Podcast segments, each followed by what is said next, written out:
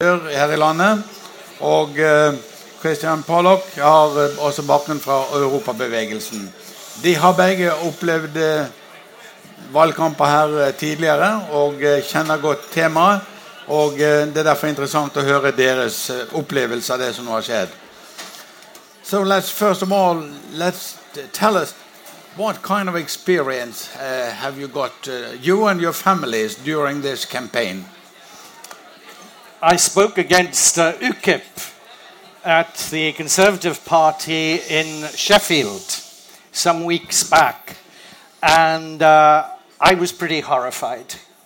The level of the debate uh, was extremely low. There was no attempt at looking at rational arguments either on one side or the other.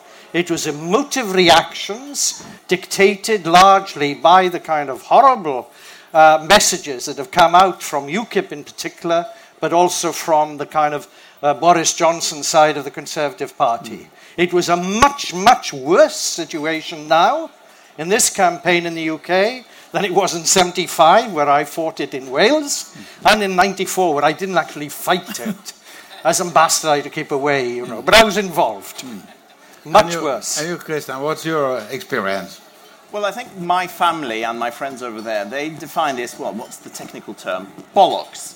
Um, a friend of mine, he, he's, he's, uh, he's on, um, doing sort of what we could call missionary work at the, in Surrey today, and he was talking to people, talking about the British Empire is again to rise, and all these brown people must go away, and now we can finally save the NHS, which the hospitals, and it's sort of the, the debate level which has occurred within the last 16 weeks is down there.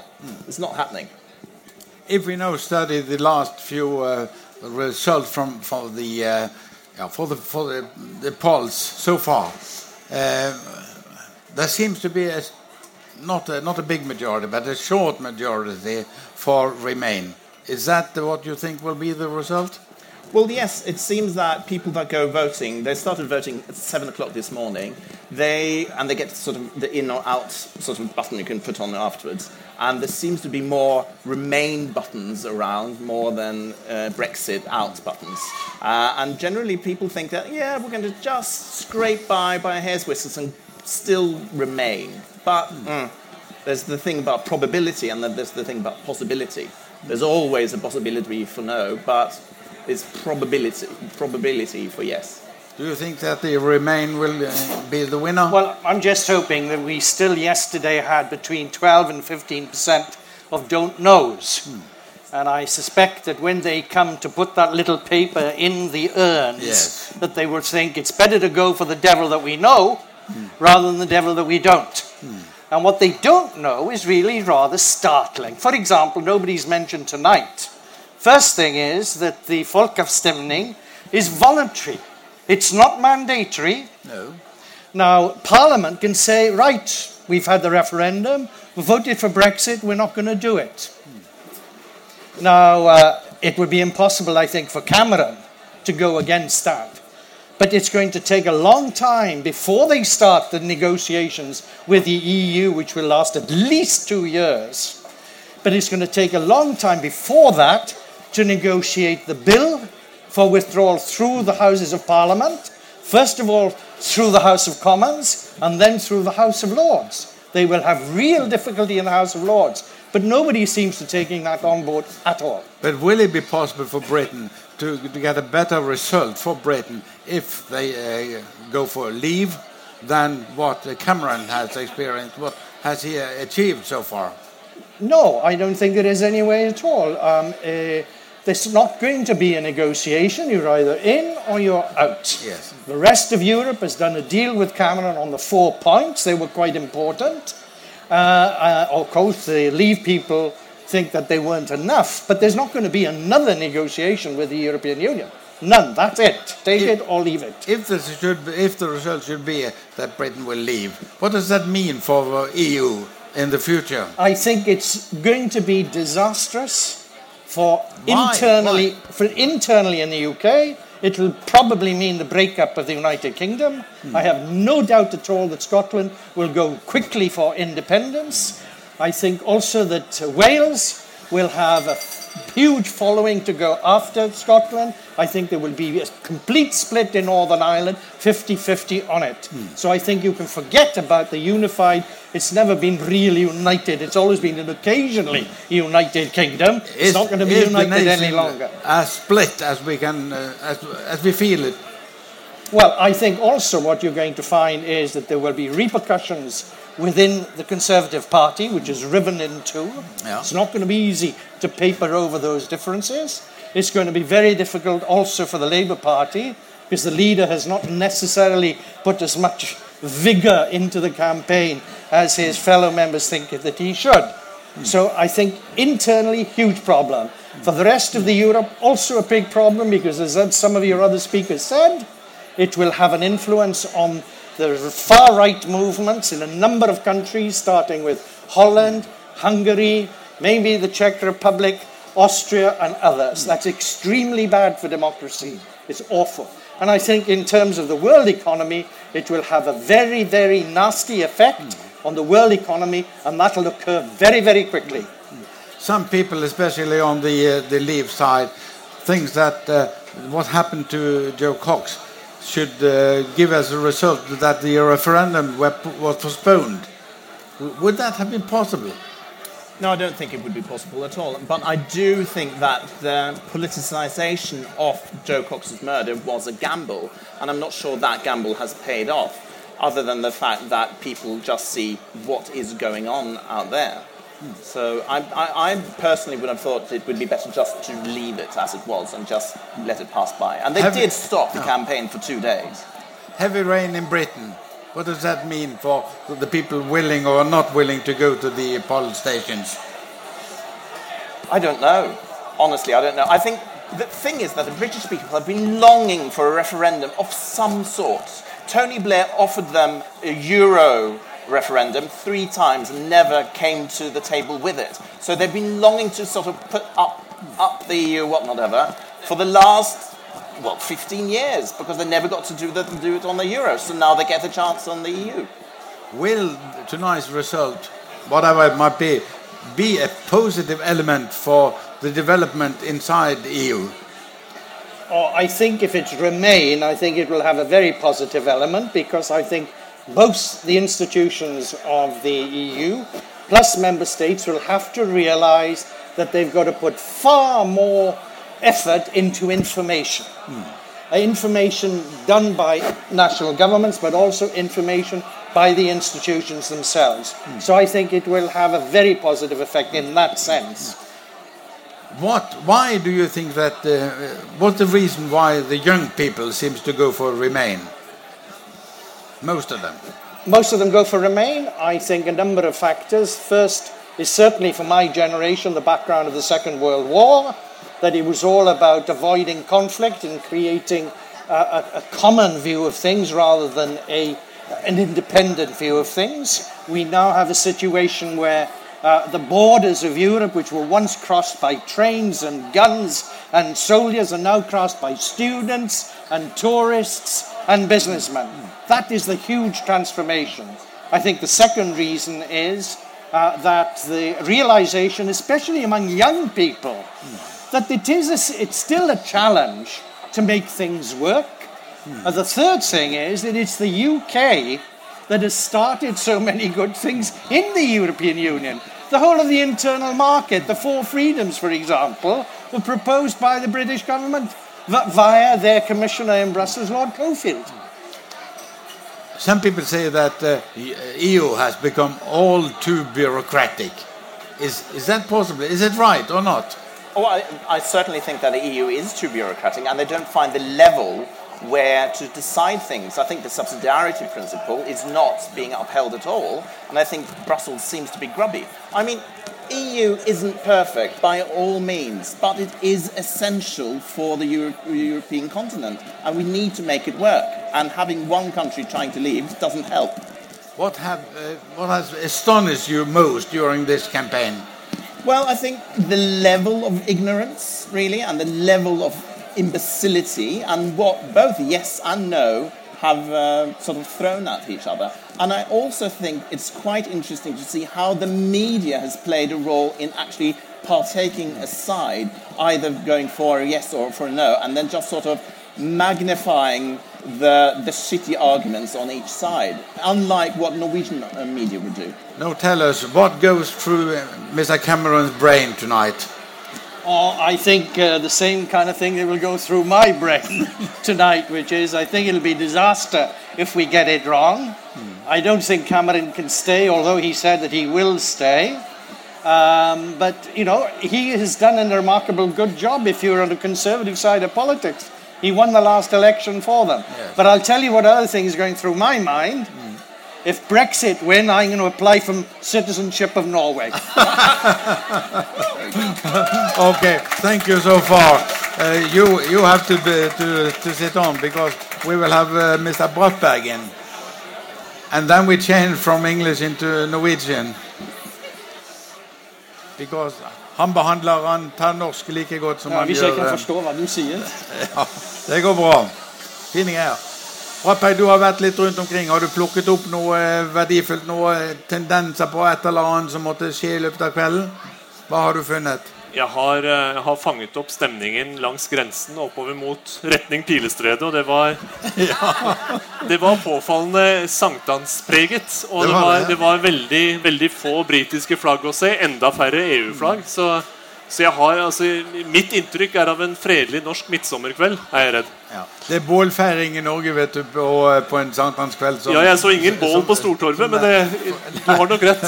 Men hvem, hvilken side kommer du til å tro har mest grunn til å eventuelt ha bål i kveld og feire? Det er jo, det er jo i, i Sør-England, på den britiske landsbygda, at det kanskje er vakrest å, å tenne bål. Men der finner du mest av, eh, av EU-skepsisen også. Jeg tror ikke de vil tenne så mange bål utover natten og, og morgensiden.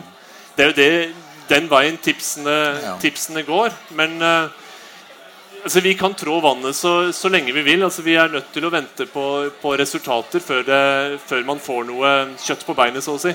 Ja, når tror dere at vi vil få noen resultater som kan gi oss litt uh, kjøtt på beinet? Det spiller ingen rolle uh, hvilken resultater kommer først. Uh, klokka to Jeg tror at det første resultatet som kommer fra Sunderland i okay. England. Ja. Og hvis Sunderland har f.eks. seks poeng mer for brexit Det er uh, veldig likt at Siv i morgen så det vil være 50 eller 49% på begge sider. Så det er veldig viktig å se hva skjer i Sunderland først.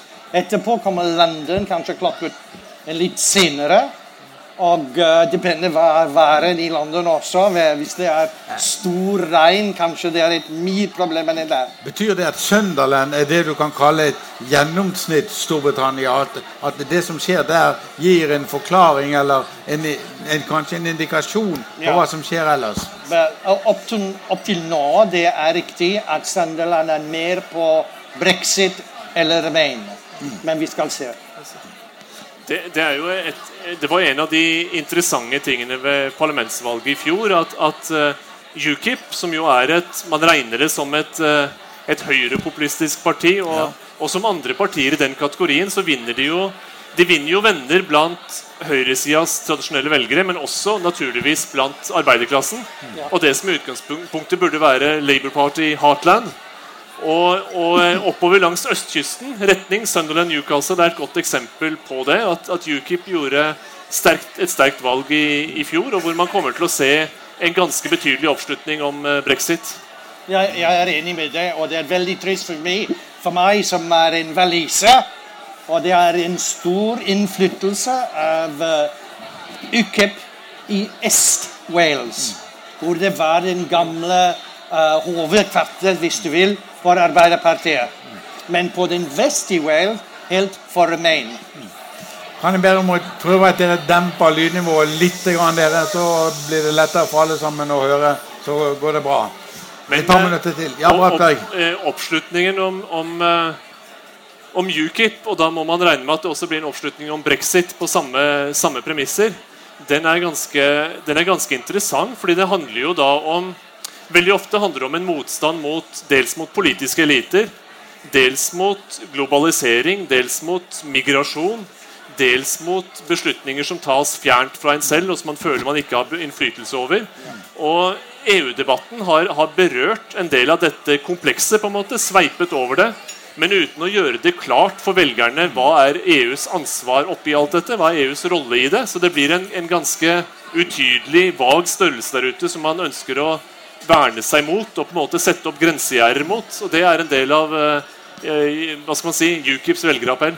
Hvilken virkning vil det ha på de to store partiene, altså konservative og Labour, om det skulle bli et flertall for liv? Oi, oi, oi. Det Altså Folkeavstemninger er jo ofte kjennetegnet av at de splitter uh, partier. At, at ja. skillet går, går, tvers gjennom. I dette tilfellet er jo uh, borgerkrigen klart størst på den konservative siden. Og der kommer det til å bli uh, ugreie i etterkant av dette, dette resultatet. Enten, enten, det blir. Remain eller, eller brexit. Mm. Men blir det et brexit, så, så, vil det jo raskt bli en, en uh, heftig debatt om hvem skal nå bære ansvaret. Hvem skal ha lederskapet i fremtidige forhandlinger med EU? Hvem skal styre dette nye, selvstendige, postimperiale Storbritannia mot nye høyder? Foruten Boris Johnson og Michael Gove. Det er ikke så godt å vite hvem som skal uh, tre inn i manesjen. Så uh, der vil det, vil det, være en heftig debatt. For Labour sin del så har man jo stilt seg på sidelinjen i ganske stor grad og, og hatt en ganske sånn tilbaketrukket rolle.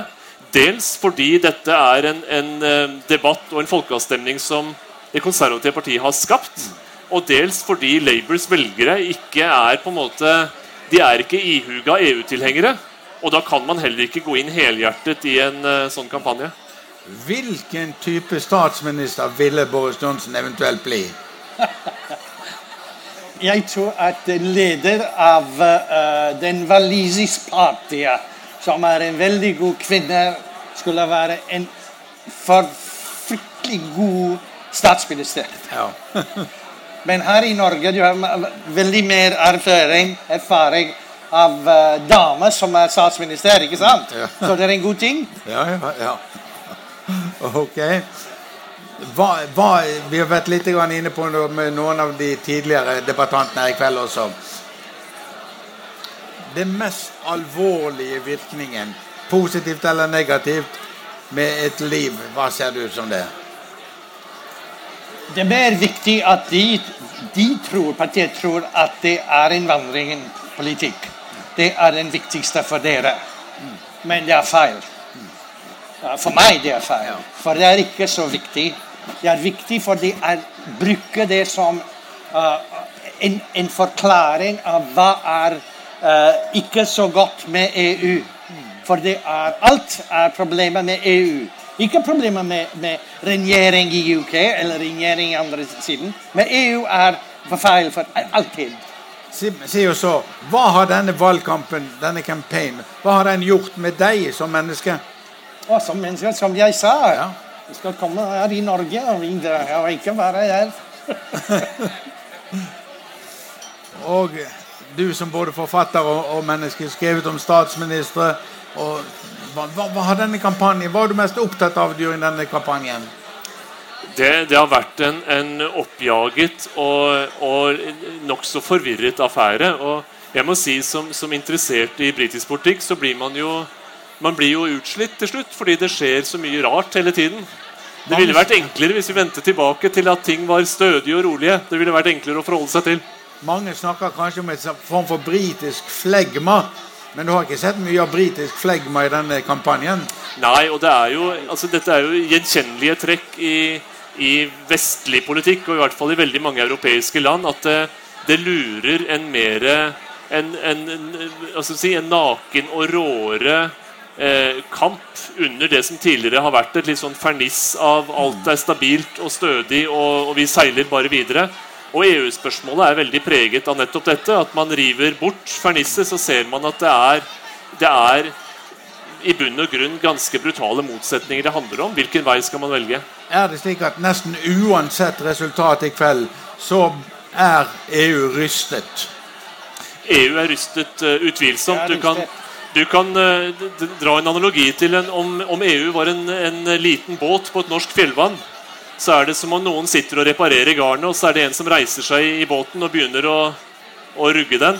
Kanskje er det da best at den som rugger, rett og slett hopper uti og, og svømmer, eh, svømmer sin egen vei. Og det, det er- finnes nok de i EU som, som tenker i den retning også. Og den... Og hvem skal du følge? Fordi spørsmål er Skal du følge en statsminister Cameron? Skal du følge Merkel?